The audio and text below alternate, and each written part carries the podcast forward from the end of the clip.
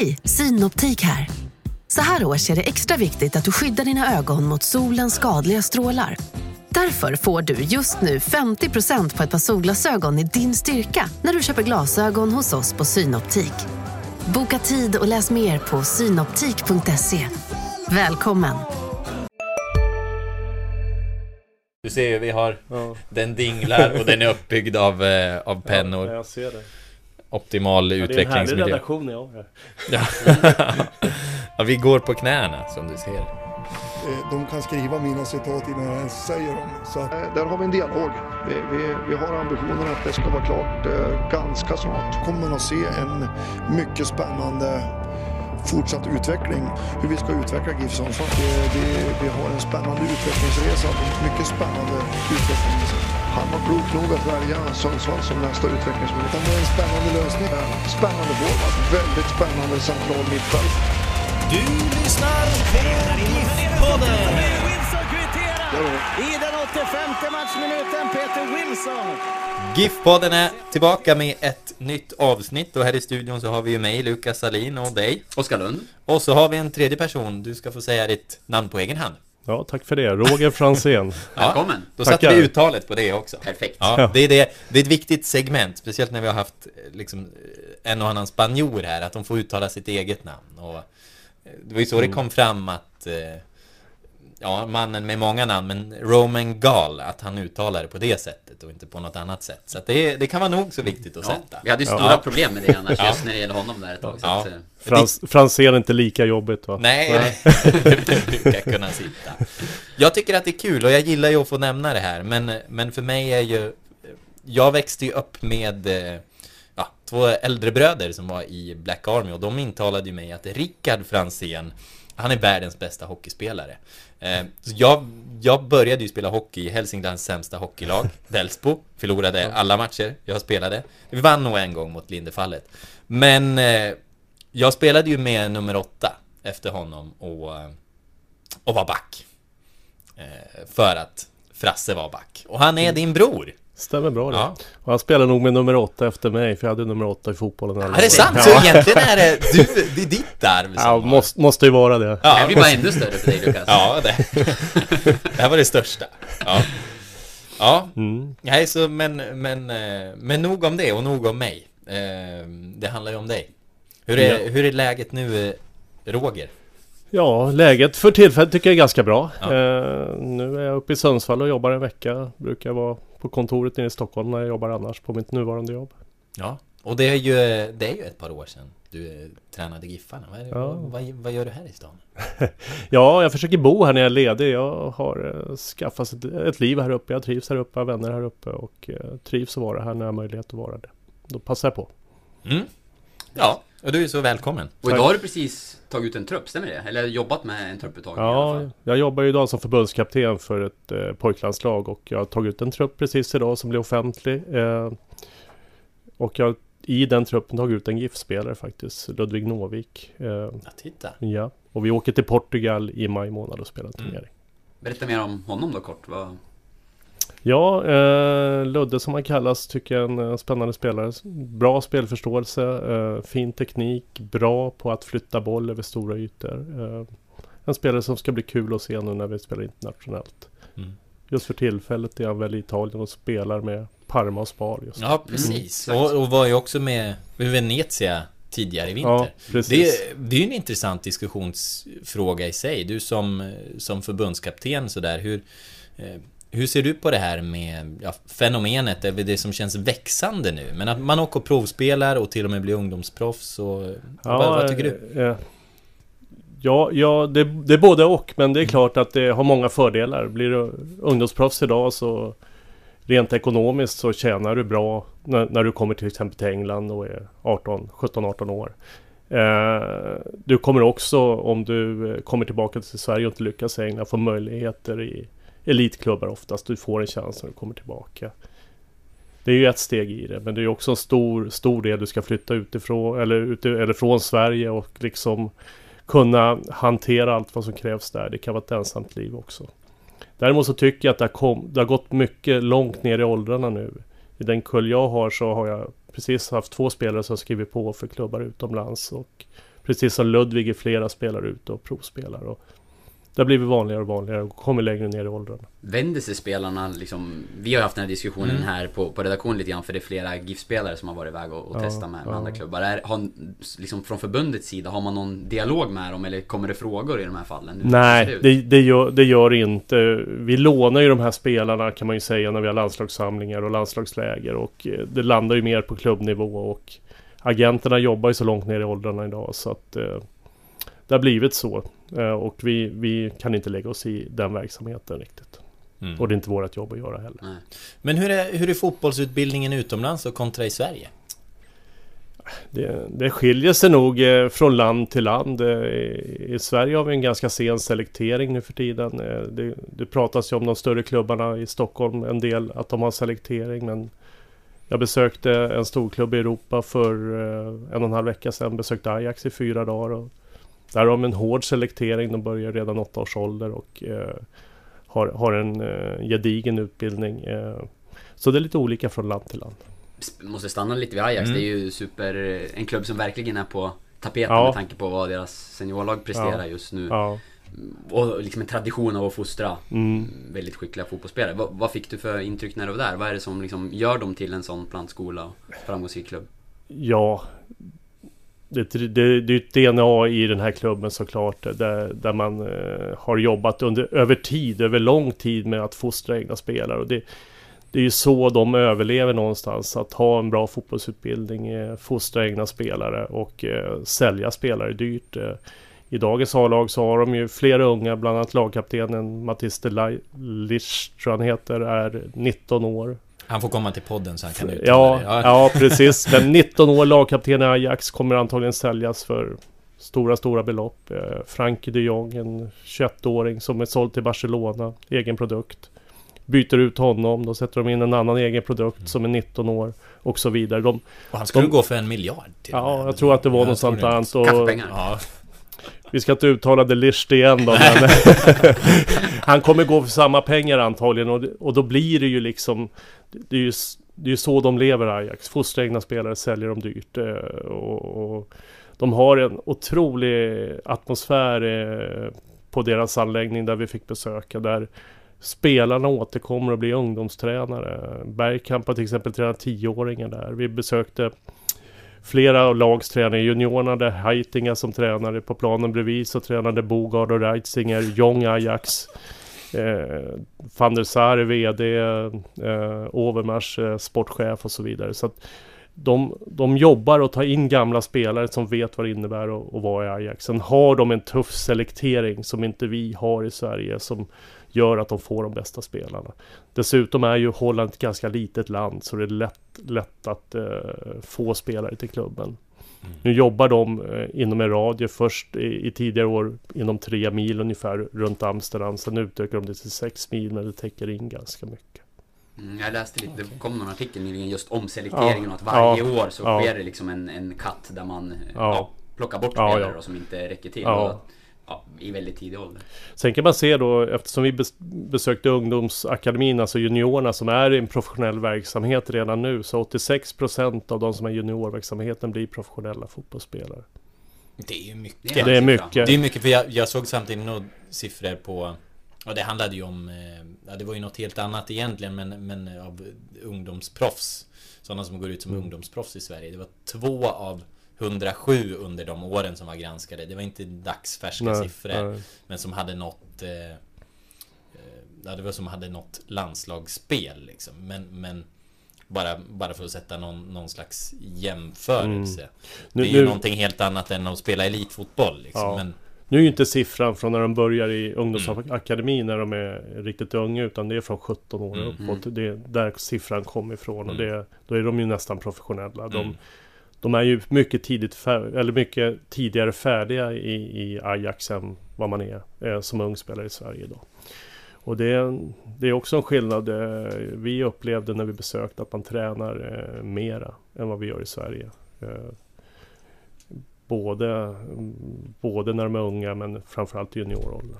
De har en helt annan uppföljning av spelare och så vidare. Så att, eh, det var en imponerande verksamhet vi fick se. Gick Mm. det att se om något var väldigt annorlunda i träningen också? Nej. Alltså om man mer spelbetonat eller om man liksom jobbar med vissa typer av Nej, jag tycker det var inte så mycket revolutionerande så. Eh, mer bekräftat det man har vetat om lite grann. De jobbar med isolerad teknik, de jobbar med funktionell teknik, eh, mycket possessionövningar, spelövningar. Så att eh, de jo- jobbar som, eh, ja vi har hört Ajax jobba, men när vi gick ner och tittade på de un, yngre åldrarna så jobbar de en hel del med koordinationsövningar och sånt också. Så att det, det var kul att se. Spännande. Mm. Koordinatitionen skulle jag också behöva. Samma här. Ja, nej men rent, rent motoriskt så är, är, är det liksom delar som Mm. eh, vi kanske saknar idag i svensk fotboll. Som man kanske när man min generation eh, höll på med, med fler idrotter och gjorde mer saker. Eh, så man eh, var mer eh, förberedd tror jag vad man är idag när man blir mer specialiserad tidigt. Så Mm. att, Mm. Av den anledningen kom jag in på det. Mm. Men det är också, det är ju en intressant debatt det där med att träna mer också. Mm. I och med Ja, nu, nu, nu liksom använder man det säkert på både fel och rätt sätt Mm. Men man, man pratar ju mycket om taktisk periodisering och, och allt det här Mm. som, som kommer nu Mm. Ehm, I GIF Sundsvall har det ju varit den inspirationen nu att man om man, man tränar mindre liksom, Mm. för att kunna vara helt fräsch Mm. på träningarna. Ehm, vad är Men Ajax lite tvärtom? Ja, när, när du säger så så hade vi förmånen att få se Ajax A-lag träna också. Vi kom på torsdagen efter deras första match mot Juventus och eh, de hade en ny match på lördagen och de var ute på fotbollsplan och tränade på både, både torsdag och fredag faktiskt. Mm, Eh, eh, I, I jämförelse kan vi säga då att Giffarna har då en lugn träning dagen efter match och andra dagen efter match ledigt. Ja, Mm. det, det, det har de nog inte när det är match var tredje dag. Eh, Då är jag säker på att de Nej. håller igång kropparna alla, alla Mm. båda dagarna. Definitivt. Mm. Så där är nog skillnad. Men har du en vecka mellan matcherna så kan man ha en annan, annan pulsering. Och det ni var inne på periodisering, det är ju absolut inget nytt. Det har blivit ett litet modeord tror jag. eh, Som man har tagit till i media bland annat. Men man har ju alltid jobbat med någon form av periodisering i träning. Eh, Och den här taktiska periodiseringen eh, har ju kommit de senaste åren och jag tror inte alla har full förståelse vad det egentligen innebär. Nej. Man, kan- man, man, använder, man använder det liksom eh, på olika sätt. Och periodiserad träning, ja det, det, det gör alla klubbar har gjort det. Alla tränare gör det. Så att det, så är det. Mm. Och, och liksom delar upp det i, i vad ska man säga, kortare, kortare cykler av tuffare, lättare träning. Ja, Mm. precis så. Det, och det har, det har man gjort i alla tider. Nu, nu har det som sagt blivit modeord och, och det, det är ju så att du tränar på olika saker eh, vid olika tillfällen i veckan egentligen. Det handlar väl också liksom dels även mentalt när man är mottaglig för Ja. en taktisk träning Ja. och att liksom Det handlar mycket om att Mm. implementera spelidén i allt man gör i fotbollsträning ja också. Liksom. det, Så det, är ju- det är ju en del i taktisk Mm. periodisering eh, såklart. eh, Den delen. Men sen har vi ju den fysiska delen också. Mm. Vad tycker du då, nu när du är utanför och kollar på Giffarna? Skulle de kunna träna lite hårdare? Ja, jag, jag har inte sett så många träningar så det är jättesvårt för mig att bedöma men eh, Dagen före match som jag såg träningen igår eh, Mm. Tycker det var en bra träning eh, De förberedde laget på ett bra sätt så att, eh, I övrigt kan jag inte bedöma hur Giffarna tränar just nu Det, det vet jag inte Nej, okej då. Eh, men det är ju också någonting intressant. De, eh, de använder sig mycket av tekniska hjälpmedel nu Mm. och det kan vara Mm. Det kan ju vara allt från pulsklockor och det, det kan Mm. vara Y-scout Mm. och, och Mm. alla de här olika systemen som Ja, men mäter i siffror och så på de bitarna. Använder ni det i landslaget också? Ja, det, det gör vi och det, vi hade Wisecout även på min tid. Så det, Mm. det är ingenting som är nytt. Eh, Man, man får fram ganska mycket fakta från Wisecout i och med att de taggar alla spelare. Och, Mm. eh, när vi åker med landslagen så har vi analytiker med så att vi, vi får eh, siffror per omgående efter matcherna i princip. Och kan använda det. För att hålla koll då på, för det är, jag gissar att det är ganska många spelare som kan vara aktuella inför en trupputtagning och sådär. Ja. Hur, hur jobbar man för att eh, vara så uppdaterad som möjligt på ja, alla aktuella spelare och hur följer man dem?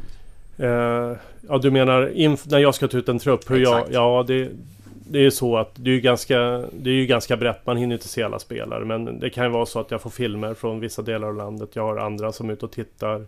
Jag har en uppföljning med tränare. Eh, som eh, jag pratar med, med de aktuella spelarna. Eh, jag får också så att vi, vi har ett system i svensk fotboll där de fyller i eh, hur de mår, hur de tränar och det använder vi också inför landslagssamlingar där de hela tiden fyller i vad de gör i veckorna så att jag kan dagligen gå in och titta på hur det ser ut. Så det är ett sätt att följa upp det. Mm. Ja, du, hur går det där? Känner du, när du tar ut en landslagstrupp, känner du då att ja, men nu har jag verkligen de bästa? Eller kan man vara nog säker? Eh, inte i den här åldern. Det, det vore fel att Mm. säga att man är nog säker. Det, många spelare tror jag samtliga tränare i det här landet skulle ta ut. Eh, jag hade ju 01 innan det här laget och jag hade ju Benjamin Nygren till exempel Mm. och Jack Lane i det laget. Det finns ju ingen tränare i det här landet som inte skulle ta ut dem i ett 01 lag Men sen är det tycke och smak eh, på spelare som, som avgör. Det sätt eh, jag vill spela min fotboll kan avgöra vilka spelartyper och så vidare. Så att, det är ju så att de ska passa in i vårt sätt att spela och förhoppningsvis så landar det ändå i att man tar de bästa spelarna och anpassar sig lite efter det såklart. Men det, är- Mm. det är alltid så att eh, på de sista spelarna i en trupp så är det ganska många som kan vara med och spela. Det tror jag. Mm. Finns det riktlinjer från liksom förbundshåll där att det, den här typen av fotboll vill vi stå för? Eller de här spelarna? Eller hur fungerar den delen av... Ja, vi, vi, vi har ett, eh, vi har ett eh, arbetssätt inom svensk fotboll som vi har jobbat med. Som vi håller på att revidera nu så att vi ska bli lite, lite friare i vårt sätt att jobba. Vi, vi ska ha vissa principer att jobba efter som vi ska följa. Och sen kan vi styra vårt, våra utgångspositioner själva. Tidigare har det varit styrt, styrt till utgångspositioner men det kan vi jobba med själva. Men vi håller på att revidera det precis. Men det finns dokument för det Mm. och hur vi jobbar. Ja. Är det det som Mika Sankala jobbar med? Nej, Mika jobbar ju mer med utbildningsfrågor Okej. eh, av, av ledare och Mm. jobbar mot skola och så vidare. Så att, eh, Det är lite vi, annat. ja, det är vi inom landslagsavdelningen som jobbar med, med hur vi vill spela. Mm. Är, det, är det lättare då att hålla koll på spelare inom Sverige eller ungdomsproffs? Ja, det, det är klart att det är lättare att hålla koll inom Sverige. Det, Ja. Resurser för mig att åka och titta på ungdomsproffs finns ju inte riktigt. Eh, Det ska vara inom, om vi går till ett EM och det är en Mm. eller två spelare som är aktuella, jag kan åka iväg. Men nu, nu går man på filmer man får och, och pratar med tränarna egentligen. Mm. Sen har vi också i landslagsverksamheten, förutom landskamper, vi har ju breda läger eh, två gånger om året där vi har 66 spelare som vi kallar in Mm. En gång på våren, en gång på hösten och det är sex spelare i varje position så vi får en bred inventering Mm. av spelarna. Eh, dessutom jobbar vi numera med regionala läger på, på vår och höst där ytterligare, vad blir det nu, 184 spelare på våren och hösten Mm. får chansen att, att visa upp sig också på ett liknande sätt som vi jobbar med landslagsverksamheten. Så att inventeringen, inventeringen har vi så att vi, vi ska inte missa någon spelare egentligen. Mm. Men sen landar det ändå i att jag är suverän i min laguttagning och det kan ju vara de som tycker att jag borde ta den spelaren istället för den spelaren. Så är det ju alltid. Får du höra det? Nej, hittills har jag inte hört det. Så att, det, det är inte det smått sensationellt? Ingen förälder som har hört av sig och tycker Nej, att du är för, föräldrar, Roger föräldrar, är dum i huvudet. Nej, Nej. jag klarar mig hittills och kanske tycker det, men de har inte konfronterat mig. Men, nej, men dialogen finns ju med tränare och det är klart Mm. att eh, tränare vill ju ha med sina spelare i möjligaste mån. Och någonstans där är vi och det, det landar ju hos mig. Men sen, jag tänker att det är så många olika, dels då att du, du kan ha spelare som spelar utomlands, Mm. du kan ha spelare som spelar i liksom tipselit, du kan ha någon som spelar i division 2-fotboll. Mm. Liksom, Det är så många olika plan, det är så Mm. o, okoncentrerat. Svårt att ställa dem mot Ja. varandra förutom när man Ja. har dem på plats Ja, samtidigt. ja. Och det är ju så, vi, vi börjar ju i svensk fotboll för att ta det från början i 15-årsåldern. Vi har ju en öppen verksamhet eh, innan i distrikten. Sen har vi ju det här utvecklingsläget där alla distrikt är med. Och där någonstans börjar vi vår inventering. Mm. Och sen eh, som sagt, när jag började jobba med det här laget förra hösten, för mig, jag följer dem från, från och med 15 till och med 17. Så jag har dem i två år. Mm. Och eh, det smalnar ju av givetvis, men från början är det jättebrett. Och det ni var inne på, de spelar ju på olika nivåer. Och, och det är klart att när de är, om man ser 01 som jag hade nu, om man spelar i Allsvenskan till exempel, så Benjamin min Nygren, så har vi en kille som är en duktig fotbollsspelare, men som spelar U19. Så är det ju klart att det är viktigt att eh, spela så bra, i så bra miljö som möjligt. Och det är ju lättare att ta ut en kille som spelar Allsvenskan än en som Mm. spelar U19. Mm. Mm.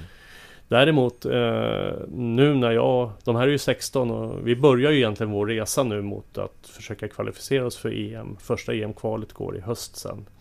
Men jag har ju en kille, en målvakt som spelar i Nordsjälland i Danmark. Eh, och då får jag begära någon film ibland och så annars träffar jag honom på läger. Eh, jag har två spelare som har skrivit på. En för Chelsea, en för Frankfurt. Eh, kommer flytta här till sommaren och efter säsongen. Det blir svårt att följa. Jag har spelare som spelar division 2 i, nere i IFK Malmö. Startar i division 2 när man är 15 år, inte fyllt 16 ännu. Så att, eh, vissa spelar då fortfarande U16 eller U17. Så det, det är olika nivåer. Mm. Jag har en kille från AIK som flyttade upp till Gävle bland annat också som har hoppat in till, i tre division 1 matcher. Så de är, befinner sig på olika Mm. nivåer. Och det, det, och det är ju svårigheten. Men det är ju där jag får försöka ställa dem mot, mot varandra hela tiden.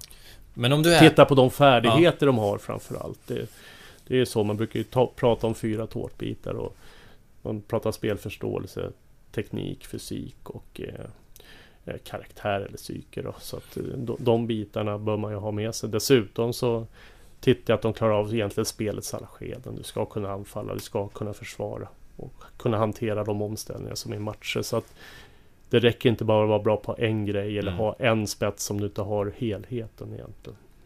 Men om du är... Forskning, forskning har ju pekat lite på, eh, åtminstone tidigare forskning, att om du, om du inte liksom kommer med i distriktslag eller ti, tidiga landslag så Mm. är det så är det väldigt svårt att ta sig in i, i, i det här. Hur, och jag tänker hur viktigt det är att komma in i distriktslaget som 15-åring. Till exempel. Ja, eh, ja fråga Emil Forsberg. Mm. Eh, han behövde inte distriktslaget. Mm. Sveriges bästa fotbollsspelare idag. Mm. Så att, Men om du, vill, går det om du och- vill spela i landslaget? ja, liksom. men, men om, man, om man nu tänker det här med distriktslag. Eh, vi har 15 000 spelare ungefär i Mm. varje årgång i, i Sverige. Och eh, Medelpad kan ha 150-160 spelare. Eh, där, ska, där ska det vara lättare att identif- identifiera de bästa spelarna. Men det kan ju missas även i ett litet distrikt. Stockholm har 3000 spelare. Och det är inte alltid så lätt att identifiera alla. Dessutom har de ju olika mognad vilket gör att de utvecklas olika. Så att, eh, bara för ett exempel. eh, Jag spelade landskampen mot Norge i höstas. Eh, Utifrån den truppen så eh, har jag 13 spelare med. Jag har sju debutanter. Så det, det händer någonting Mm. hela tiden. Och det är ju Mm. det är ju vår uppgift att eh, se vad som händer och det gör vi ju i och med att vi har kontakt med vad som händer i klubbmiljön. För det är ju där som avgörs om vi ska ta dem till landslaget. Eh, jag var med P20-landslaget. Vi har ett landslag eh, som vi gör landskamper med på hösten där- vi inte har en fast förbundskapten utan jag hade dem i höstas. Så Mm. det var fyra debutanter där också som inte hade gjort landskamper tidigare. Så att det, det, det händer saker hela tiden i deras utveckling. Jag kan flika in där på, när det gäller Halmstad, att jag Ja. tror det var Sportbladet som alldeles nyligen publicerade en eh, ganska stor ja, granskning eller lista med, Ja. med alla spelare som har varit Ja. i Halmstad Ja. sedan eh, Ja, det var lång tid tillbaka. Mm. Eh, Så lång tid så att jag, jag själv stod med och det blev inte mycket av elitspelare till mig. Men, men det var ganska intressant att gå igenom, Ja. och man kan gå igenom år för år och alla distrikt. Och Ja. de hade även liksom en liten kommentar med vilka som hade nått till elitnivå eller landslagsnivå. Ja, så ganska, kan vara kul att, backa tillbaka Mm. och, och kolla på om Mm. inte annat. Ja, jag har inte läst den. Jag bara hörde att den kom. Mm. eh, Den var gedigen. den var gedigen. Ja.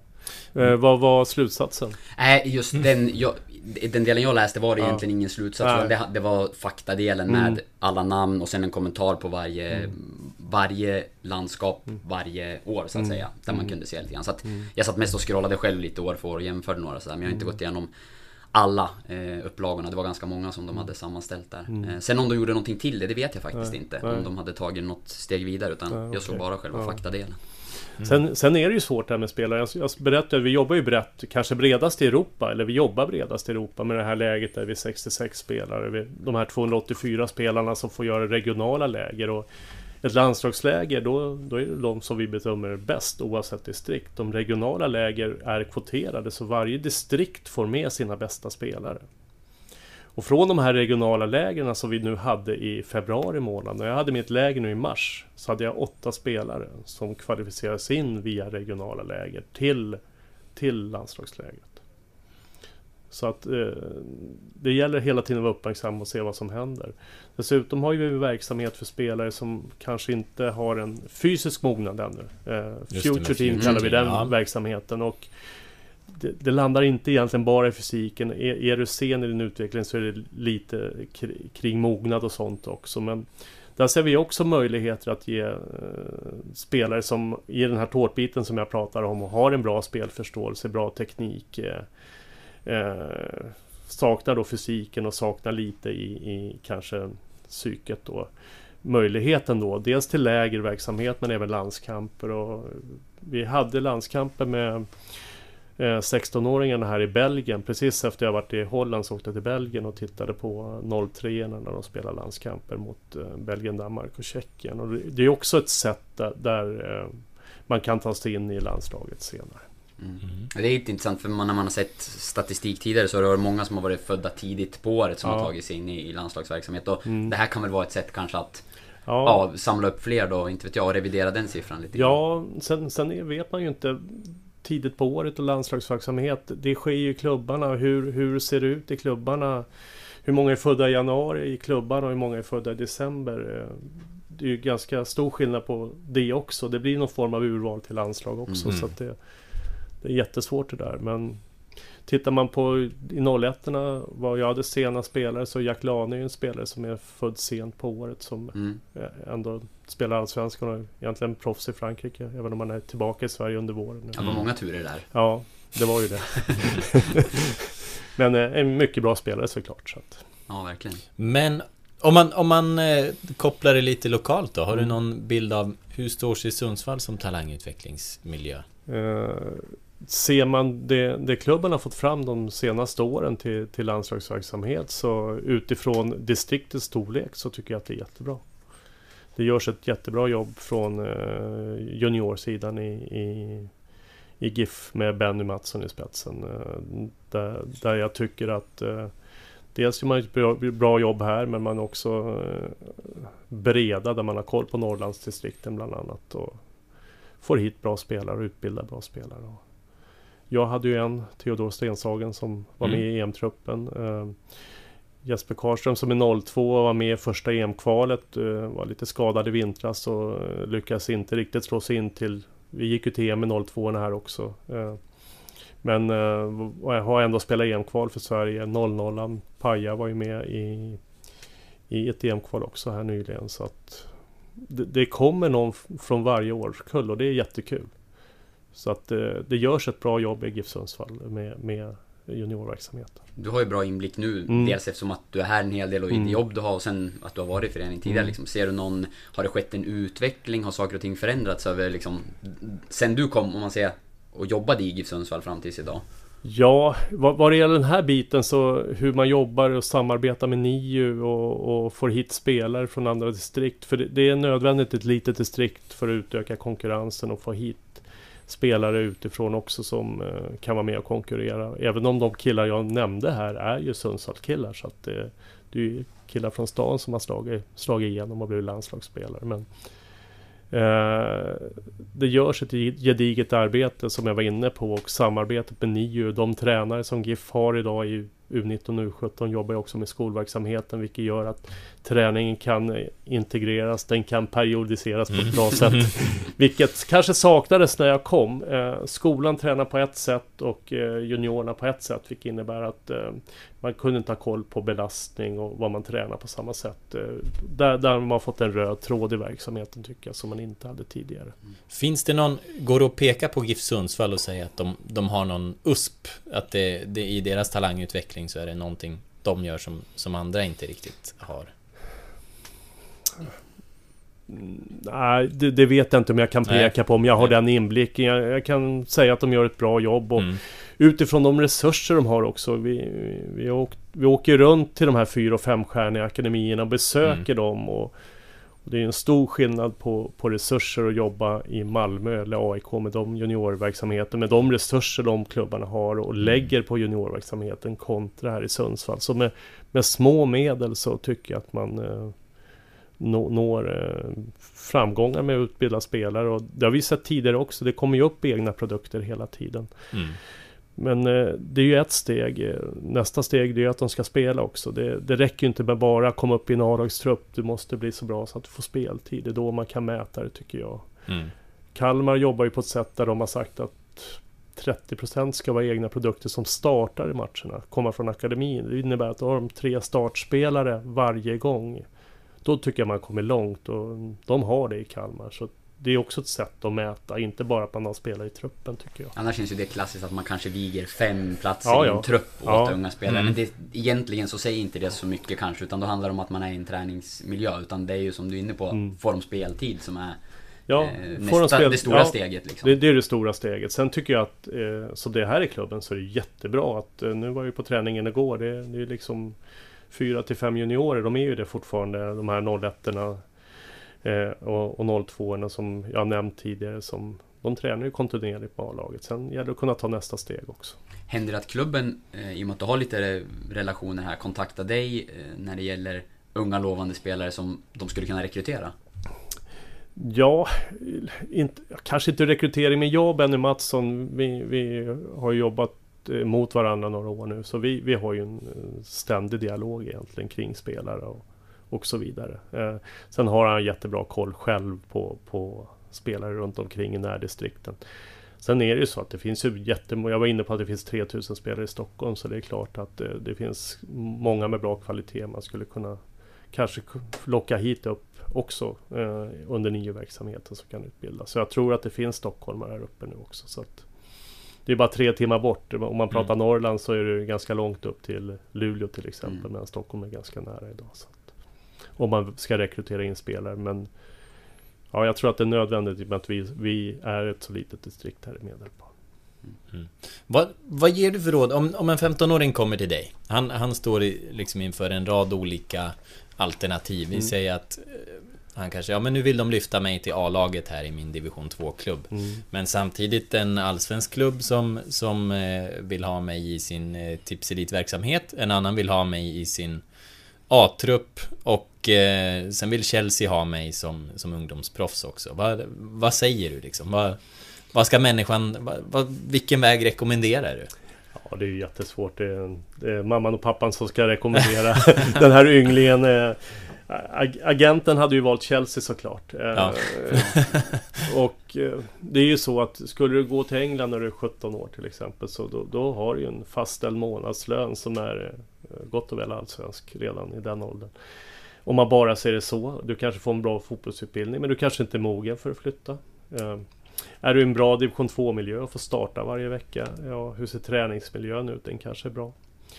Eh, ska du flytta till en allsvensk klubb kanske måste byta stad. Och, och det landar ju, landar ju en del spelare i och alla är inte mogna för det. Så att jag någonstans landar hos individen men till syvende och sist så är det ju oftast i da- dagsläget eh, elitklubbarna, de allsvenska klubbarna som fostrar spelare. Eh, Eller man säger de fyra och femstjärniga akademierna som fostrar spelare till, elit, till eliten.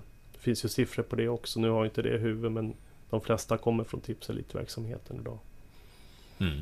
Däremot om du är ung och spelar division 2, du kan inte stanna för länge, det är jag ganska övertygad om. Men gör du det riktigt bra i division 2 så, så kommer du också bli värvad.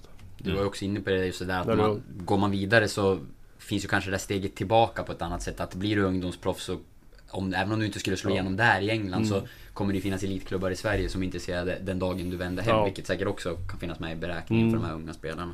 Ja, det håller jag med om. Mm. Ehm, men vi var inne på lite vad som har hänt liksom på eh, ungdomssidan, talangutvecklingssidan sen du lämnade, men också seniorverksamheten Mm. i, i Giffarna. Vad, vad tycker du har hänt med, med klubben sen den, eh, på de åren? Med klubben eller med laget? Ja, med... Både och. Ja, både, och. Ja. Får vi väl säga. Eh, börjar vi med klubben så eh, organisationen är väldigt stort densamma. Eh, jag tror omsättningen när jag kom 2012 var någonstans mellan 40 och 45 miljoner och det är ju samma idag eh, åtta år senare. Va? Så att det, man måste ta steg på sidan om tror jag för att kunna utveckla klubben ett steg till. Eh, nu står man ju och stampar ekonomiskt vilket gör att det, det blir ju svårare och svårare att hänga med. Ekonomin betyder ju jättemycket idag i förhållande brukar man ju se ekonomi och placering i tabellen brukar gå hand i hand lite grann. Och där behöver klubben bli stabilare över tid tror jag. För att kunna utvecklas. Eh, och det försöker de säkert jobba på. Jag har ingen insyn i det men eh, man behöver eh, bli starkare ekonomiskt. Inte bara för att kunna ha löner till A-lagsspelarna utan jag ser också att man kan stärka upp det vi varit inne på, talangutvecklingen. Mm. Du pratar så mycket om ett tredje ben när det gäller ekonomin, att de vill hitta mm. någon, liksom, ytterligare någon mm. intäktsform och sådär. Så, att, mm. som du är inne på, det, eh, det är väl någonting som klubb, man är medveten om att det måste utvecklas ja. för att kunna ja, ta, ta fler steg. Jätteviktigt över tid. Det, den andra delen som är viktig över tid är också få en större kärnpublik tror jag. Nu är det runt 4 500 och det är väl godkänt men man skulle nog behöva få in lite, lite mer folk på, på läktarna och gärna hitta en lite större kärnpublik som alltid kommer. Har du någon tanke där? För det här är ju en evig mm. fråga som vi, vi alltid mm. snackar om. Liksom. Har du några tankar kring vad kan man göra? Hur... Nej, jag, jag, jag har ju läst och ser att klubben är mer offensiv ut mot skolor och, och syns mer och där, där, gör man ett bra jobb tycker jag. Eh, man kan fundera på och det är om man liksom ska bjuda ungdomar gratis på fotboll. Eh, vad blir det? Är det östra läktaren vi har där borta sektionen är? Det är en halv sektion som nästan alltid är tom. Och folk drar ju folk. Ja, eh, bjud in ungdomar. Det är bättre att ha folk på läktaren än inte. Och sen får man ju kanske vissa högriskmatcher som när AIK, Hammarby och Djurgården kommer stänga av den. Då. Men övriga matcher så är ju läktaren tom och varför inte bjuda in ungdomar?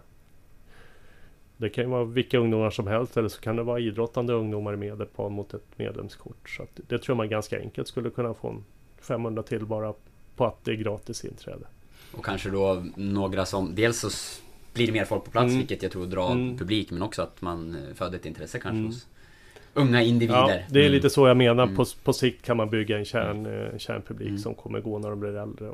Det blir lite roligare inramning på matchen också. Vi får kolla upp hur mycket det är. Det görs ju ibland tror jag, men mm. jag har inte koll på om det är något som sker eh, ja, Jag tror man har gjort ständigt. det. Förra året var det någon enstaka match såg jag man bjöd in. Och det, det är ju jättebra initiativ, men egentligen skulle man, när de är 15 år yngre, alltid kunna gå in fritt så länge det finns plats. Mm. Spelet då? Det spelmässiga? Ja, spelet har ju utvecklats eh, och spelade jättefin fotboll förra året. Eh, egentligen började, började de här förändringarna redan 2015 inför vår svenska premiär när eh, Sockerservice vart inblandad i, i verksamheten från början. Då.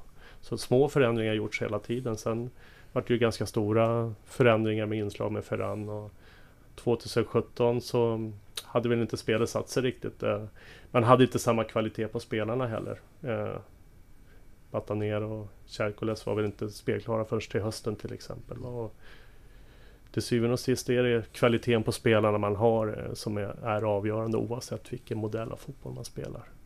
Mm. Eh, men det är, en, det är en underhållande fotboll Giffarna spelar idag så det är kul, kul att gå och titta på. Mm. Kan du, när du liksom eh, Om du tittar på det och ni ändå eh, Ni växte ju upp Några år tillsammans mm. Du och Joel Kan mm. du känna att du har, har del i det på något sätt? Alltså del vill jag inte säga. Det, det, det vore förmätet att säga att jag har del i det. Mm. Men vi, vi jobbade ihop i fem år. Och mm. Utvecklingsprocessen startar, har ju startat den nya, med den nya fotbollen om vi ska kalla det. Det startades någon gång 2015 egentligen. Mm.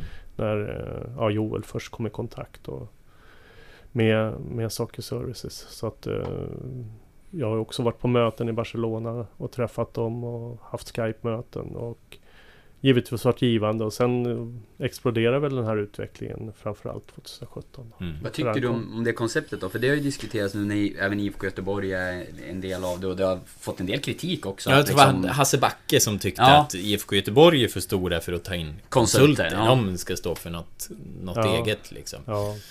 Nej men det, det är svårt och det är svårt att uh, egentligen annonsera.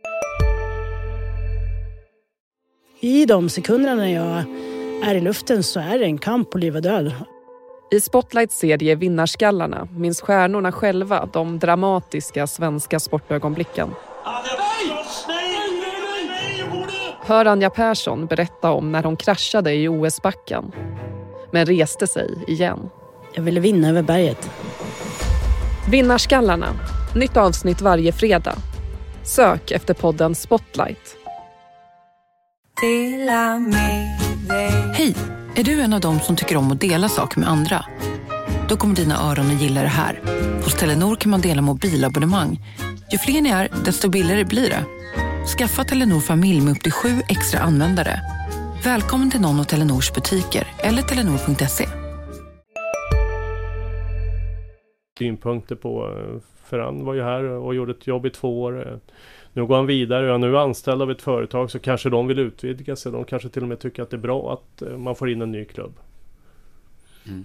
Alltså det blir en klubb till som man eh, får kontrakt att jobba med. Vilket, det är ju business för dem men eh, tycker, tycker Göteborg att de får ut någonting av det så då är det ju värt det.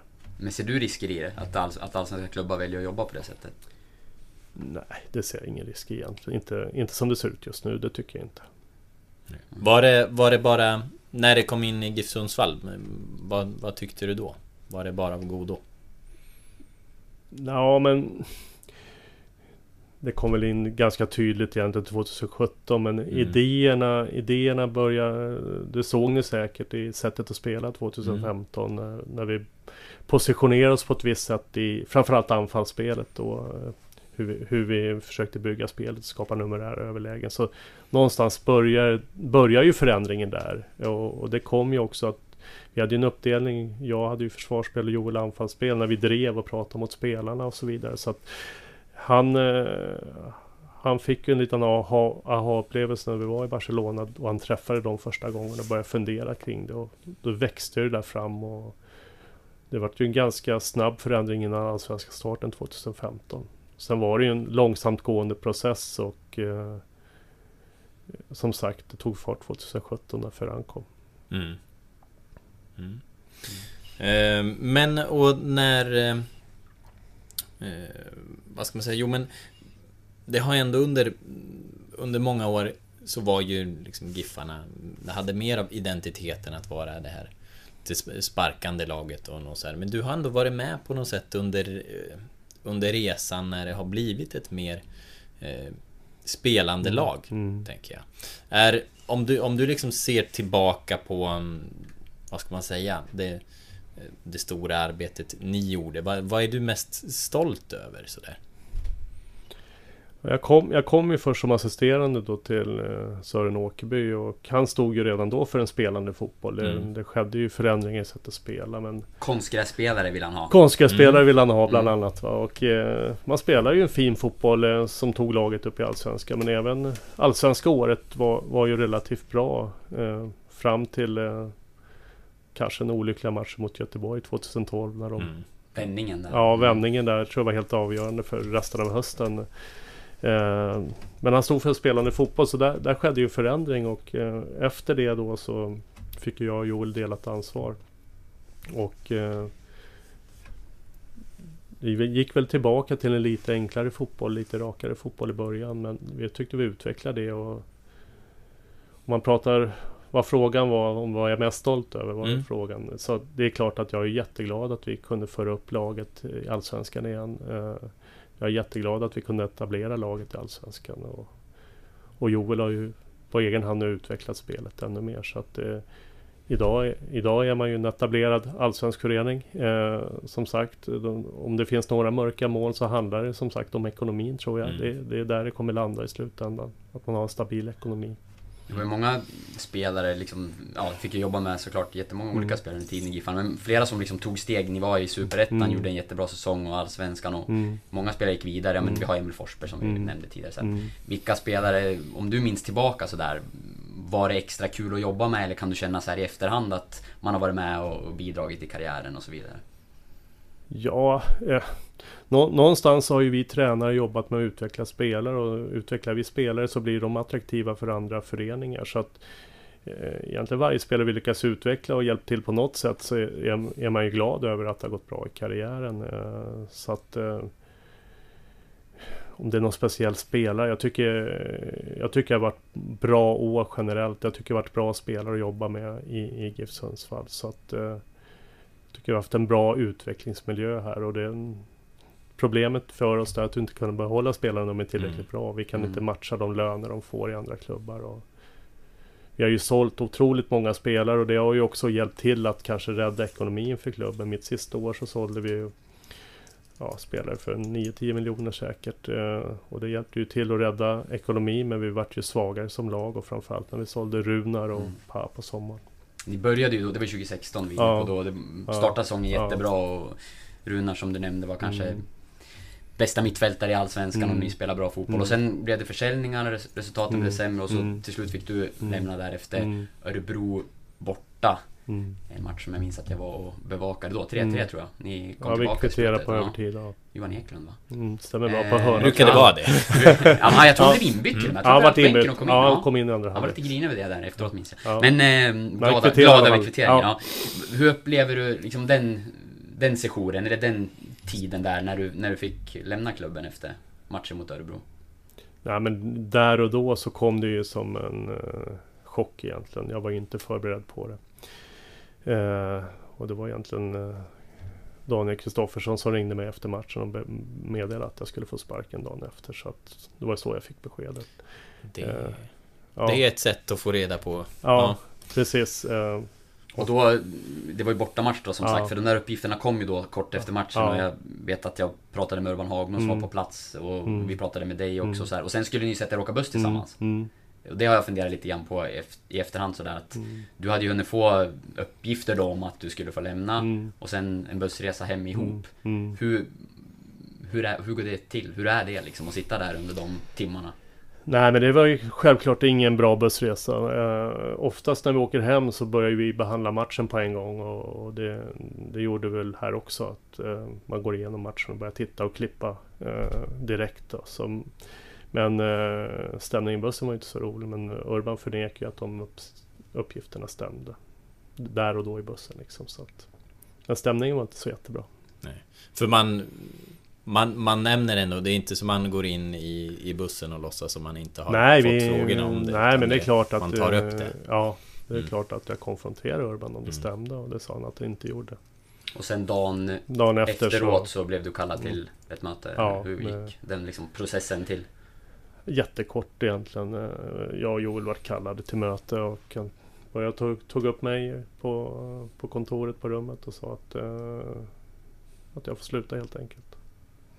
Det är bäst för föreningen på kort och på lång sikt eller något sånt där. Det var väl det. Och när man sitter där som tränare finns ju ingen anledning för mig att ställa frågor eller argumentera utan jag fick det så då var det tack och hej. Du har inte frågat i efterhand heller sådär, Nej, vad som nej, nej. Eh, och jag har ju inte den dialogen med varken Johan Nickel eller Urban Hagblom på det sättet. Så att, eh. Men det kändes där och då lite orättvist. Med tanke på eh, det jobb vi hade gjort så långt. Och vi var fortfarande aldrig i farozonen, farozonen att åka ur någon serie där, där och då. Eh, både Gävle och jag tror det var Falkenberg var för långt efter. Möjligtvis fanns det kval i farozonen men det var långt, långt ner till att kunna åka ut. Däremot hade vi haft en del sämre resultat över strax efter sommaren. Vi mötte bara topplag också. Vi sålde spelare så mötte vi egentligen de bästa lagen i serien och lyckades inte vinna eller ta poäng i så många matcher där. Jag tror vi tog, eh, om man ser, mina sista åtta matcher tog vi fem poäng tror jag, men då mötte vi i princip alla topplag. Uh, Giffarna avslutade serien med att ta sex poäng till på de åtta matcherna och då mötte man bara lag på undre halvan. Så att, Så det gav ingen effekt heller på det sättet. nej, kortsiktigt så gav det inte så stor effekt men jag tror också att det kan vara ett, ett strategiskt beslut att eh, man, man ville jobba vidare med Joel helt enkelt och så tog man det beslutet där och då. Det, det är väl så jag kan tolka det. Jag minns att en del i det där var att man, man ville, ni hade ju delat ledarskap, Mm. att man ville eh, ha en huvudansvarig året efter Mm. och att i takt med att man tyckte att resultaten Mm. och läget där och då Mm. eh, påverkat till att man valde Mm. att göra det beslutet Mm. tidigare. Så har jag för mig att, man, att det liksom Mm. motiverades Mm. på något sätt. Eh, att det fanns en tanke framåt. Men Mm. sportsligt är du inne på liksom att det kändes, ja men du upplevde att det, det kändes orättvist och kanske liksom ett ja, felaktigt beslut på det sättet. Hur, Ja, men jag kan ju inte döma om det är felaktigt men för mig kändes det där och då var, var det ju liksom Det kom som en blixt. Jag Mm. var inte förberedd på det. Mm. Däremot så förstod jag någonstans att det kanske var sista året. Det kan man ju tolka in av en tystnad från en styrelse. Eh, Vi förlängde ju 2014 jag och Joel och då kom ju Johan Nikola på våren. Och då var vi långt ifrån klara att gå upp i Mm. Allsvenskan och sa att eh, de ville förlänga. Och då gjorde vi det under sommaren. Så att vi hade två år till och när, när han kom eh, så, våren 2016 när vi då låg 7-8 allsvenskan någonstans så kom han också med ett besked att vi håller på att utvärdera situationen och vi vill återkomma i september. Det var, var det vi fick veta då på sommaren. Det var en signal då för dig att det Ja, li, lite så var det ju en Mm. signal. eh, Då förstod jag liksom att man ser över det. Så att det var jag nog förberedd på att eh, det inte skulle bli en förlängning efter fem år. Och det, det kan jag köpa också. Det, det är ju så det är i fotbollen. Däremot så kändes det jobbigt att uh, utefter det resultat vi hade gjort ändå få sluta i förtid. Mm. Ja, och så kompisen som du har, Mm. har gjort det med Mm. får stanna i, Mm. i den vevan. Mm. Vad är... eh, Ja... Hur känns det? Nej men... Hur det känns? Ja... Omvänt så kanske jag hade valt att sluta eftersom man har delat ansvar men Mm. eh, det, det är ju svårt att säga så också. Mm. Eh, nu var det ju antagligen någon form av strategi att man ville lyfta fram Joel, att man Mm. såg Joel led, redo att leda laget. Mm. Och då är det så man valde att göra också. Mm. Hur är en- den här, jag är inte nyfiken på ja, men den, den personliga delen. För Mm. om man går till sig själv och Mm. man håller på med idrott på en, på en lägre nivå sådär, men Mm. man vet ändå att man kanske är nära någon under en period och jobbar tillsammans i en ledarroll Mm. eller som spelare och ledare. Och sen försvinner någon. Och kontakten kanske till viss del försvinner Mm. och sådär. Alltså det, det påverkar Mm. även eh, relationer utanför fotbollen och, och jobbet. Och ni Ja. har jobbat supertajt Ja. under fem år. Ja. Hur, hur är den delen av det här? Liksom den kanske mer privata och känslomässiga liksom kompis, kollega Ja, men delen? när man jobbar ihop fem år och eh, när man är fotbollstränare så är det 24-7. Man är ju aldrig ledig liksom. Vi, vi jobbar ju i princip dygnet runt med, med fotboll. Så det är klart att man ses ju otroligt mycket. Eh, från halv åtta på kontoret tills vi lämnar. Och kan även vara kvällar man träffas eh, och, och, gör, och liksom jobbar ihop. Så att, nej men eh, man växer ihop som mer än kollegor eh, kan jag tycka när man jobbar ihop. Det, det blir ju så under, under eh, en så intensiv period såklart. Finns den relationen då kvar när, när en sån där sak händer liksom? Har, har, I Joel i det här fallet då, har ni en, en sån Nej, relation vi, idag? Eller nej vi har ganska lite kontakt idag. Uh, han ringde väl någon gång eh, efter jag fick sluta men sen har det varit eh, i princip ingenting. Vi stöter på varandra ibland på, på någon, någonting. Och då är... hur- Hur är stämningen då? nej, men stämning, det är väl inget fel på stämningen men vi, vi har ju inte den här eh, kontinuerliga kontakten utan när vi stöter på varandra så byter vi några ord och pratar lite grann. Ungefär så. Det berättade han ju också i, eh, i intervju med vår kollega Sara Mm. Karsén att Mm. det, det var någonting han hade lite dåligt samvete för. Mm. För han, han sa att Mm. jag uppskattar ju Roger. Mm. Sådär, men jag... eh, Jag borde ha, han är en person jag borde ha Mm. mer kontakt med. Mm. På det sättet. Vad är... Men som, eh, som ledare och liksom i, i eh, delat ledarskap, var det på något sätt, växte ni någonstans ifrån varandra tror du? Eller vad? Nej, i grunden upplevde inte jag det så i alla Nej. fall att vi växte ifrån varandra. Ehm, Vi pr- pratade till och med om att utveckla processen Mm. eh, i, i vårt sätt att spela och det, det var ju en utveckling och vi tittade ju på några saker som vi ändå gjorde ut på hösten då 2016 och ändrade utgångsposition i försvarsspel för att det skulle matcha med vårt anfallsspel. Så att vi pratade om processer men eh, eh, växa ifrån varandra. Han, det är svårt att veta hur han tänker. Ja. Så kan jag ju säga. Ja. Så att, eh, men jag, jag kände ändå att eh, samarbete fanns där, i alla fall från min sida, Mm. hela vägen ut. Mm. Ja. Och vi var liksom, vi har, som man har när man är kollegor och har ett ansvar, så har vi diskussioner om det är en laguttagning eller träningsinnehåll och det har vi på tränarrummet mellan oss. Och sen har vi under, ja, under hela tiden alltid gått ut enade Mm. eh, mot grupp eller mot annat. Så att Mm. där, där har jag inte känt att det varit något problem alls.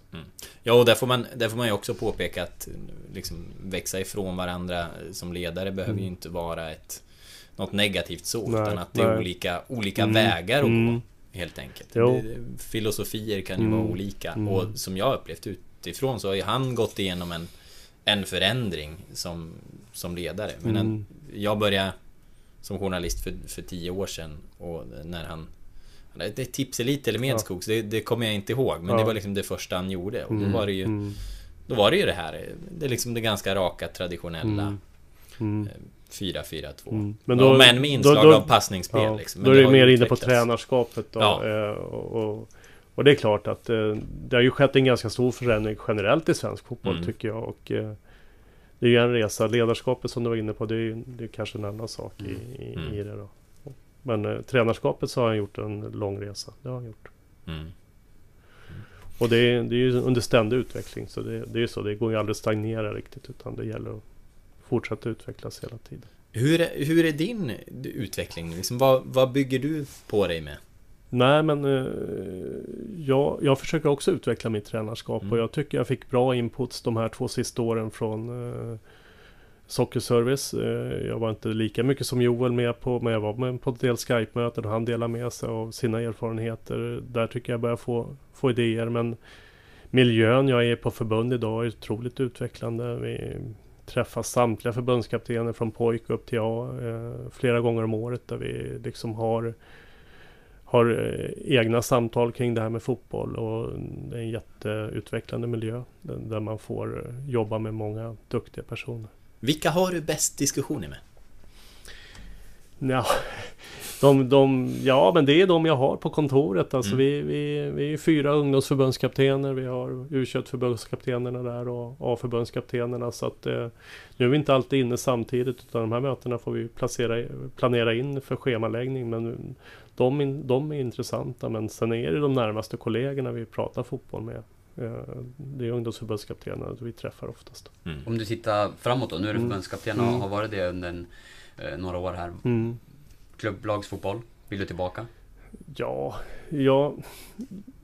Jag ska säga så här, jag lever alltid nuet. Så jag ser alla uppdrag som mitt sista. Har alltid gjort. Jag har aldrig haft någon karriärtanke inom det här yrket. Utan det har bara blivit. Och nu har jag ett kontrakt med förbundet eh, över nästa säsong då. Eh, sen får vi se vad som händer. Jag är inte främmande för någonting. Jag är öppen för allt, så kan man väl säga. Så får vi se vad som händer. Sen du klev in i det här då, har det varit Mm. nära att du har gått tillbaka till klubblagsfotboll? Alltså jag antar att det har funnits säkert Ja, någon ja. dialog här och där åtminstone? Ja, det har funnits dialog med, med flertal klubbar eh, som kommer då och då. Men det, det är liksom... Eh, det här har varit ett nytt kapitel och ett eh, spännande kapitel att få jobba med ungdomar och, och eh, utveckling och jobba med fotboll på lite annat sätt. För jag har ju inte den dagliga kontakten som man har med ett lag. Som man i och för sig kan sakna ibland. Men här får jag titta på mycket fotboll och, och jobba på lite annorlunda sätt. Trivs jag jättebra med. Tror du man liksom kommer ur gängerna för mycket för att liksom kliva tillbaka in som en klubblagstränare igen? Eller i att det är så olika sätt att arbeta? Det är svårt att säga. Eh, Jag, det är jättesvårt att säga. Ja. Eh, Det får man nog prova på om det skulle Mm. bli så. Men det är klart att man, lite rostig kan man ju bli här och där om man inte har gjort något på länge. Men jag tror man kommer in i det ganska fort också. Mm. Ja. Eh, Med, med tränarskapet framförallt. Du har gjort det förut? Mm. Ja, Jag- lite så. Jag tänkte på, var inne någon, någonstans där, du, du frågade om spelarresor, Mm. Oskar, Mm. eller liksom utvecklingsresor man har sett. Mm. Men det måste ju också finnas, jag tänker det måste ju också finnas här, spelare man har velat ha men inte, inte fått. Mm. Och sett dem utvecklas någon annanstans. Mm. Fan, har det funnits några sådana under, under åren?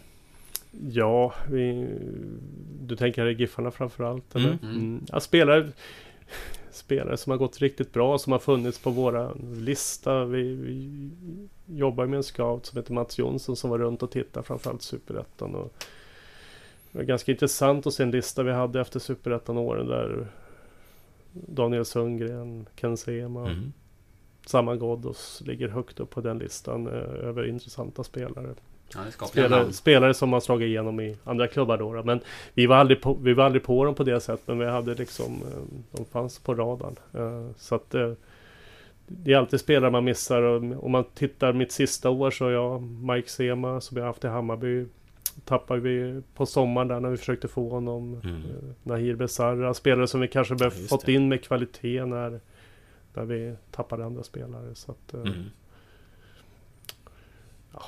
men man kan aldrig gråta över spel man inte har fått. Det, det är ju så, men eh, det är klart att det finns många bra spelare. Sen gäller det att det ska vara re- realistiskt så man kan få spelarna också. Mm. Såklart. Men de här Sema, Ghoddos och Sundgren, då har Mm. de varit i...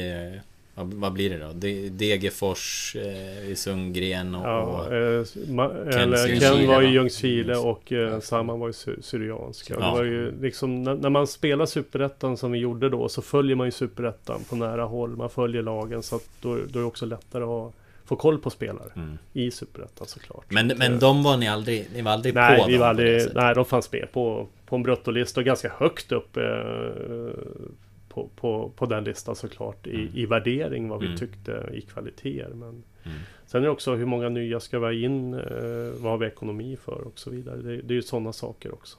Finns det spelare i, i dagens GIF Sundsvall eh, som kanske har kommit efter att du lämnat? Som ni har varit intresserade av även under din tid? Alltså som man har följt då kanske under flera säsonger och sen till slut lyckas Ja, det är, väl- det är ju framförallt, Sema är det är ju ja, framförallt Mike Sema då Mm. som eh, vi försökte med vid två tillfällen. Då. Eh, mm.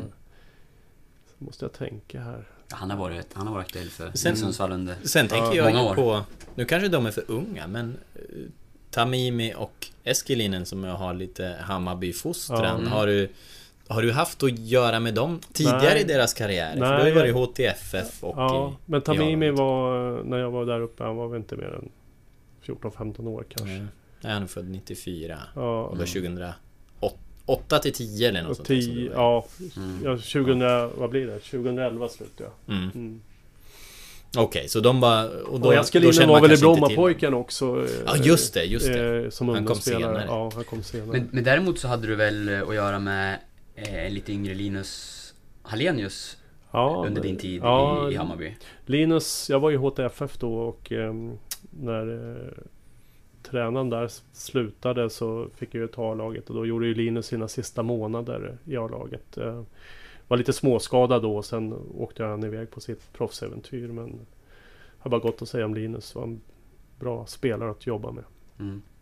Ja, det var den eh, 18 måls säsongen Ja, han gjorde där. precis. och- Det var- fantastiska målet på Mm, Södertälje IP eller tror jag det vart. mm. Och, och, som han gjorde det året.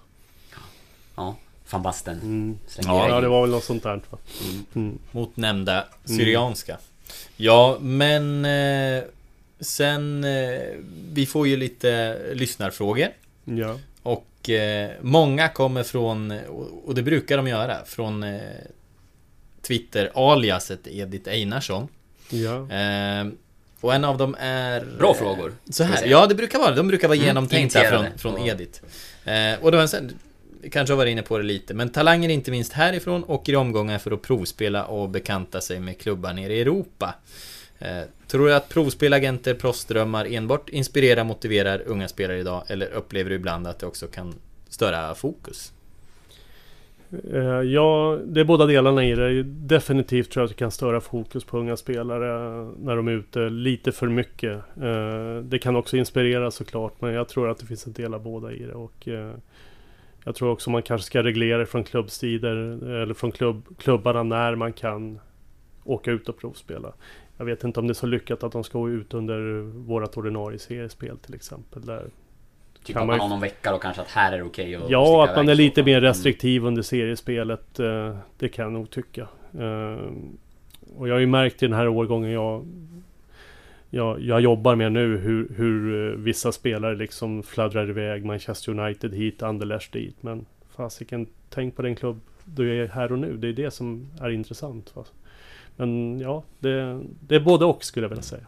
Ja, för i, i, långa loppet, liksom, det är inte på en vecka i Manchester United du får utveckling, utan Nej, det nej. är i att göra det dagliga Mm. jobbet. Ja men precis så De andra Och du, 51 veckor. ja, eh, sen kan de ju drömma om att åka iväg redan nu då, några stycken av dem. Men det är i klubbmiljö man jobbar och utvecklas, så är det. Mm. Och, och det du gör varje dag egentligen. då. Det är ju en sak på plan men också din livsstil på sidan om plan Mm. är jätteviktig.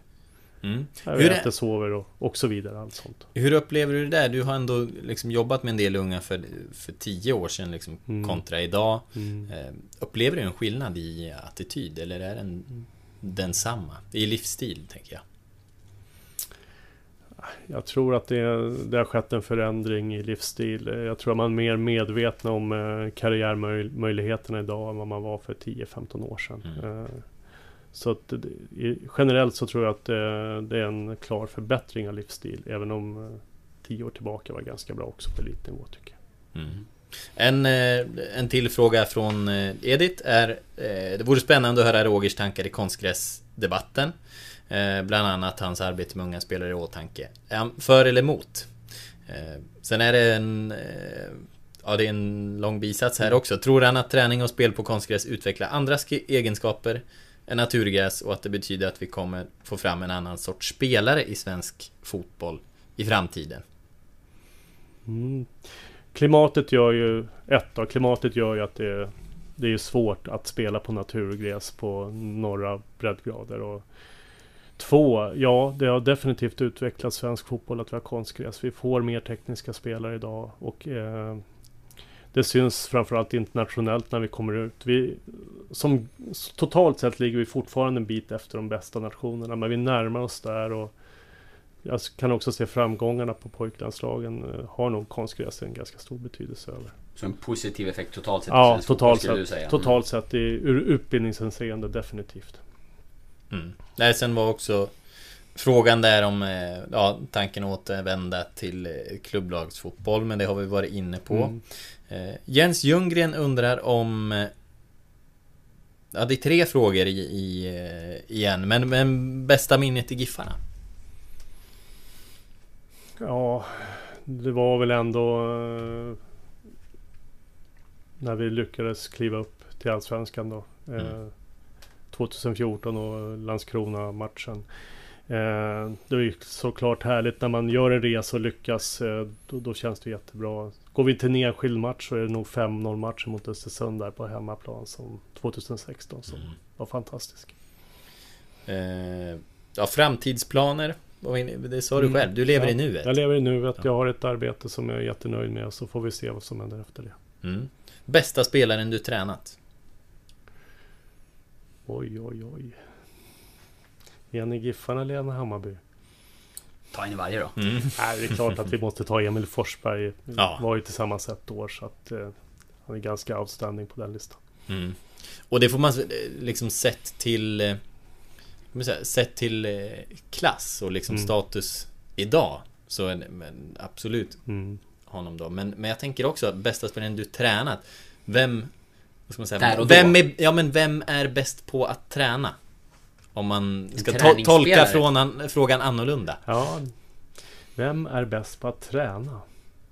Det är många spelare som har varit bra på att träna. Eh, en som har varit jäkligt bra på att träna trots alla motgångar är Tommy Naurin. Mm. Jag tycker det är otroligt starkt att komma tillbaka som han har gjort efter svåra knäskador. Eh, fantastisk personlighet som de flesta känner till. Mm. Så att, uh, utifrån hans skadeproblematik så måste jag ju säga Tommy då. Mm. Bra val. ja, ja men definitivt. Och sen, sen tittar man på eh, det, är liksom, det är ju lätt att bara träna på mm. utan eftertanke. Men mm. det är en mm. annan, en annan grej att träna smart. Ja. Det kan jag väl tänka mig att han har varit. Ja, och sen framförallt tänk dig själv eh, när killarna är på plan och du går själv till gymmet i 10-11 månader varje dag. För att liksom kunna komma tillbaka. Det är en ganska jobbig situation för en spelare. Och en spelare också, när, när, man är i den situationen som tränare lever man ju mycket nu att man pratar med de spelarna man har på plan och så vidare. Så att man kan inte ge den uppmärksamheten eh, som även de spelarna som är mm. skadade förtjänar. Utan det blir mycket mer rehab-teamet som jobbar med de spelarna som är skadade. Och utifrån det så som sagt eh, är det fantastiskt att komma tillbaka på det sätt han ändå gjorde med två operationer. Ja, lätt, att, lätt att hamna utanför och ja, liksom ja, tappa ja, glädjen tappa till motivationen. Det är, må motivation, det är många som har haft svårigheter att komma tillbaka efter eh, en svår skada. Mm. Mm. De eh, kommer tillbaka bättre också, för det måste jag säga. Det gjorde att Tom kom tillbaka ja. bättre. Ja, men han hade, det var, det var väl just vändan där, våren 2016, där han var... Var det Laul som tyckte han... Ta, ta ut honom som tredje målvakt mm. i landslaget då. Mm.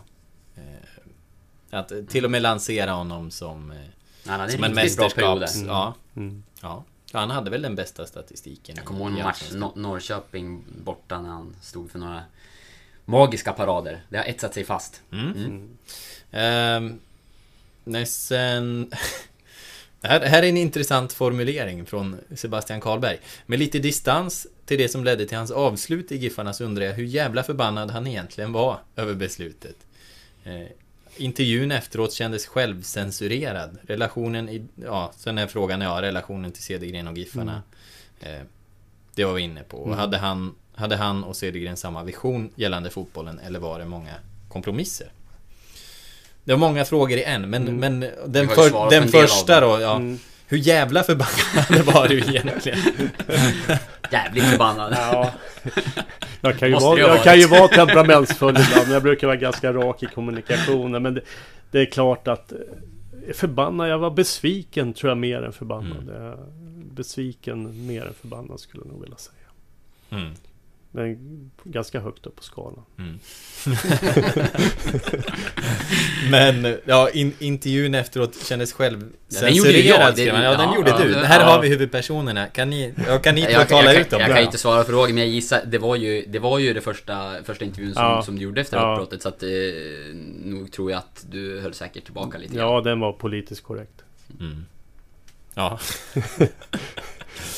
Han erkänner. Ehm, ja, nej men... Ja, hade du och Joel samma vision gällande fotbollen? Eller var det många kompromisser? När man jobbar i ett delat ledarskap eller oavsett så är det alltid kompromisser. Mm. Men jag vill inte påstå att det var mycket kompromisser. Vi Nej. diskuterade kring det här och Mm. fotbollen var ju på väg att utvecklas som jag var inne på från 2015 Mm. när man såg förändringar i vårt sätt att spela och eh, den var vi med på bägge två. Så att, men det finns alltid eh, någon form av kompromisser i, i ett delat ledarskap, så är det. Mm. Men, man, man eh, kanske är med på premisserna då? Ja, Att- och, och liksom när man jobbar ihop i fem år eh, som vi har gjort så så ja, man lär känna individen och individen man jobbar med på ett bra sätt. Och Mm. Vi hade jättetydligt mellan oss vem som hade sista ord i olika ansvarsområden så att det aldrig skulle bli Ja, skulle vi komma till ett visst läge så hade den personen just i den frågan sista ordet. Och vi landade nog aldrig där men vi, vi, hade, vi hade det nedskrivet som vi också när vi anställdes lämnade till eh, dåvarande ordförande hur, hur det såg ut. Mm. Mm. Vi börjar, eh, vi börjar rulla iväg. Vi är på en timme och eh, tio minuters Mm. inspelning ungefär. Men vad, vad missar vi här Roger? ja, har vi missat något tycker ni? Det har vi säkert. Nej, jag vet Nej, vi, vi har inte pratat så mycket om Sören Åkerby-tiden. Jag vet inte. Är, är vi... eh, Har vi, har vi något att liksom... Beta av det? Jo, men kanske ändå lite hur... Jo, men jag är ändå lite nyfiken på när Giffarna kom in i bilden och du... eh, Någonstans har du ändå blivit invald i det här eh, Ja. Hur, eh, hur såg det ut? Det var hösten 2011. Eh, jag tror att Sören Eriksson valde väl att sluta själv. Eh, eller han valde att sluta själv. Och man skulle bygga om organisationen med en manager där eh, Sören skulle vara manager och det skulle vara två tränare under där jag skulle vara en. Och med ansvar för försvarsspel och Sören skulle jobba med anfallsspelet och Joel med individuell utveckling. Så såg det ut 2012 då eh, i, i tanken. Och Sören har väl initierat det här. Vi, vi känner ju varandra sedan Stockholmstiden och han visste vem jag var och vad jag stod för. Och sen eh, tog ju Erik Bäcklund kontakt då som ordförande första vändan. På den vägen var det. Mm. Hur funkade det tyckte du? Den organisationen som var då med Åkerby som, som manager och, och ja, du och Joel var med som, Mm. som var tränare där. Nej men jag tycker att det funkar bra. Så Sören eh, släppte ju mycket av planeringen eh, och genomförandet. Sen var han övergripande ansvarig, var med på planen en del och sen var ju han ansvarig för sättet att spela, laguttagning och så vidare. Så att, eh, men arbetsformen tyckte jag om. Tyckte att vi fick stor självständighet i det vi gjorde och jobbade med. Vem, vem har du bäst kontakt med från tiden i GIF? Ja, Sören och jag har ju ständig kontakt. Eh, Mm. om vi räknar in honom Ja. då. Eh, Och då är det mycket travsnack, eller? Ja, det blir lite travsnack. Ja. Jag försöker ju köra lite häst det här också. Ja. så att, eh, Hur går det då? Ja, det, nu var det någon månad sedan jag körde, men jag brukar vara hos Rickard Skoglund en Mm. del och Anke Svensson en del och köra häst när jag får tillfälle. Men hur Får se om ha- det blir imorgon. Har du, har du licens? Nej, men det var faktiskt ganska Mm. nära. När, eh, när jag var ledig, som jag var under några månader där, så körde jag en hel del häst och var nära på att eh, skriva för amatörlicens. Ja. Det, det krävs en, eh, ja, man måste uppdatera sig och skriva. Så det var, det var en del av planen, men sen kom ju fotbollen in i bilden och då valde jag ju fotbollen när Svenska Fotbollförbundet hörde av sig. Finns det kvar som något sorts, eh, någon dröm eller mål? Ja då, det, det kanske landar där igen om, när jag får tid över. Men det var roliga månader att få köra lite häst och tänka på annat efter det som ändå Mm. var. Mm. Man behövde landa lite grann och det fick jag göra. Ja, ja någon, någonting helt annorlunda Mm. än, än fotboll. Ja. Men, eh, Ja, nej, men det, sen, det, sen när det är fråga om kontakt så jobbar jag ju liksom, jag har ju kontakt med juniorsidan med Benny, med Micke Bengtsson, med Staffrin och Fimpen jobbar ju med Mm. juniorerna så Mm. att det är många där som är i och runt GIF. Och sen har jag ju kontakt med, jag jobbar med tidigare GIF, Magnus, eller Mattias Nylund. mm, Så att vi, vi har ju ganska ofta kontakt. mm. Sören Åkerby är en bra eh, poddgäst framöver. Ja, han, han, han ska vi ha Mm. som en framtida. Eller, det vore bra. Mm. Vi ringer Snuffe. Mm. Ja. Ehm, nej men då en del, man har sett det någon, någon gång sådär på, på GIF-träningarna. Hur, hur ofta är det du är där och kollar? Det är inte så jätteofta. Nu har vi stött på varandra några gånger Mm. men eh, Det är ju så, jag känner ju Andreas Pettersson väl också. Mm. Vi var i Hammarby under, under samma period. Vi har jobbat ihop på förbundet. Så att, eh, eh, det gör ju också att jag pratar med honom lite när jag är Mm. här. Så att, eh, en bra människa och en kompetent tränare. Så det är kul Mm. att följa träningarna. Men vad tillför han? För det är många som är nyfiken på Mm. honom. Vad, vad tillför han i Giffarna tror du? Otroligt noggrann i, i sitt, eh, sitt tränarskap. Är taktiskt driven. Eh, duktig instruktör på plan. Så att, eh, jag tror han tillför jättemycket mycket med de egenskaperna. Mm. Eh, ja, ser du dig själv liksom, som giffare? I och med kopplingarna till staden sådär? Är du, har, har du blivit lite supporter? Ja, det är väl klart. Mm. Eh, jag gillar ju Giffarna så att eh, sen är det kanske så att alla individer i en klubb kanske man inte kommer överens med. Men klubben och stan gillar jag så att det är klart att jag Mm. hoppas det ska gå bra för Giffarna. Ja. Jag Inte, ser, ja, jag ser ju inte bara A-lagsmatcher, jag ser ganska mycket juniormatcher när jag får tid för det också. ja. Men finns det, finns det fortfarande någonting att du, att du känner att vi- vissa är du inte överens med? Det är, det är väl Urban Men- som är, är kvar? Du, Ja men eh, tiden läker väl sår eh, men eh, kan ju ändå vara så att eh, ett visst agerande eller ett visst beteende kan Mm. känns såklart. Mm. Men eh, jag hejar och pratar med, med Urban också när vi träffas. Mm. Så att, Mm. Ja, hur, Mm. hur är er relation? nej men vi, det är ungefär som med Joel, vi hejar och pratar Mm. när vi ser varandra. Ungefär så. Ja, tid har passerat. Mm. Ehm, men jag tror att vi ska, vi ska runda av. Och Mm. tacka så mycket för att du kom hit. Ehm, Tack själva. Kanske stärker oss med en kopp kaffe till. Mm. Ja. Och Och, önska eh, lycka till med kommande, kommande kval då, som Mm. väntar. Ja, det Mm. kanske har spelats när, eh, när Ja, podden går ut. Ja, kvalet Nej, det är i höst. höst. så ja, det är höst, ja då. Har du tagit upp truppen nu? Nej, Nej, men vi åker, till till- vi åker till Portugal och spelar turnering. Sen har vi en turnering till i sommar i Danmark. Så att vi spelar några turneringar på vägen. Sen är det ju en lång resa till EM. Det är ett kval som börjar i slutet på september som vi spelar här i Sverige. Går man vidare då så har man en mellanrunda som heter Elite Round som går i mars. Och sen är det ett EM i maj. Och Mm. Där någonstans tar uppdraget slut med 03 Mm. Beroende på hur långt vi går. Ja, Vi håller tummarna. ja vi Mm, håller tack- tummarna tack och vi för håller tummarna för Ludvig Novik. Mm, Absolut. gör det. Ja, Kör hårt. tack! tack, tack själv.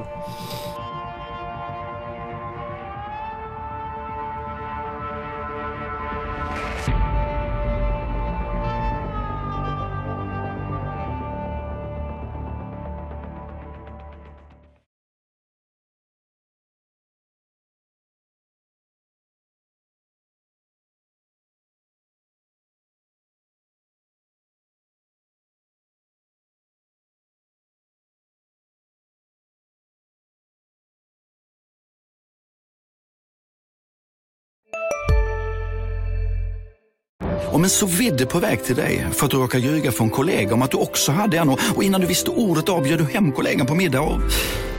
Då finns det flera smarta sätt att beställa hem din sous vide på. Som till våra paketboxar till exempel.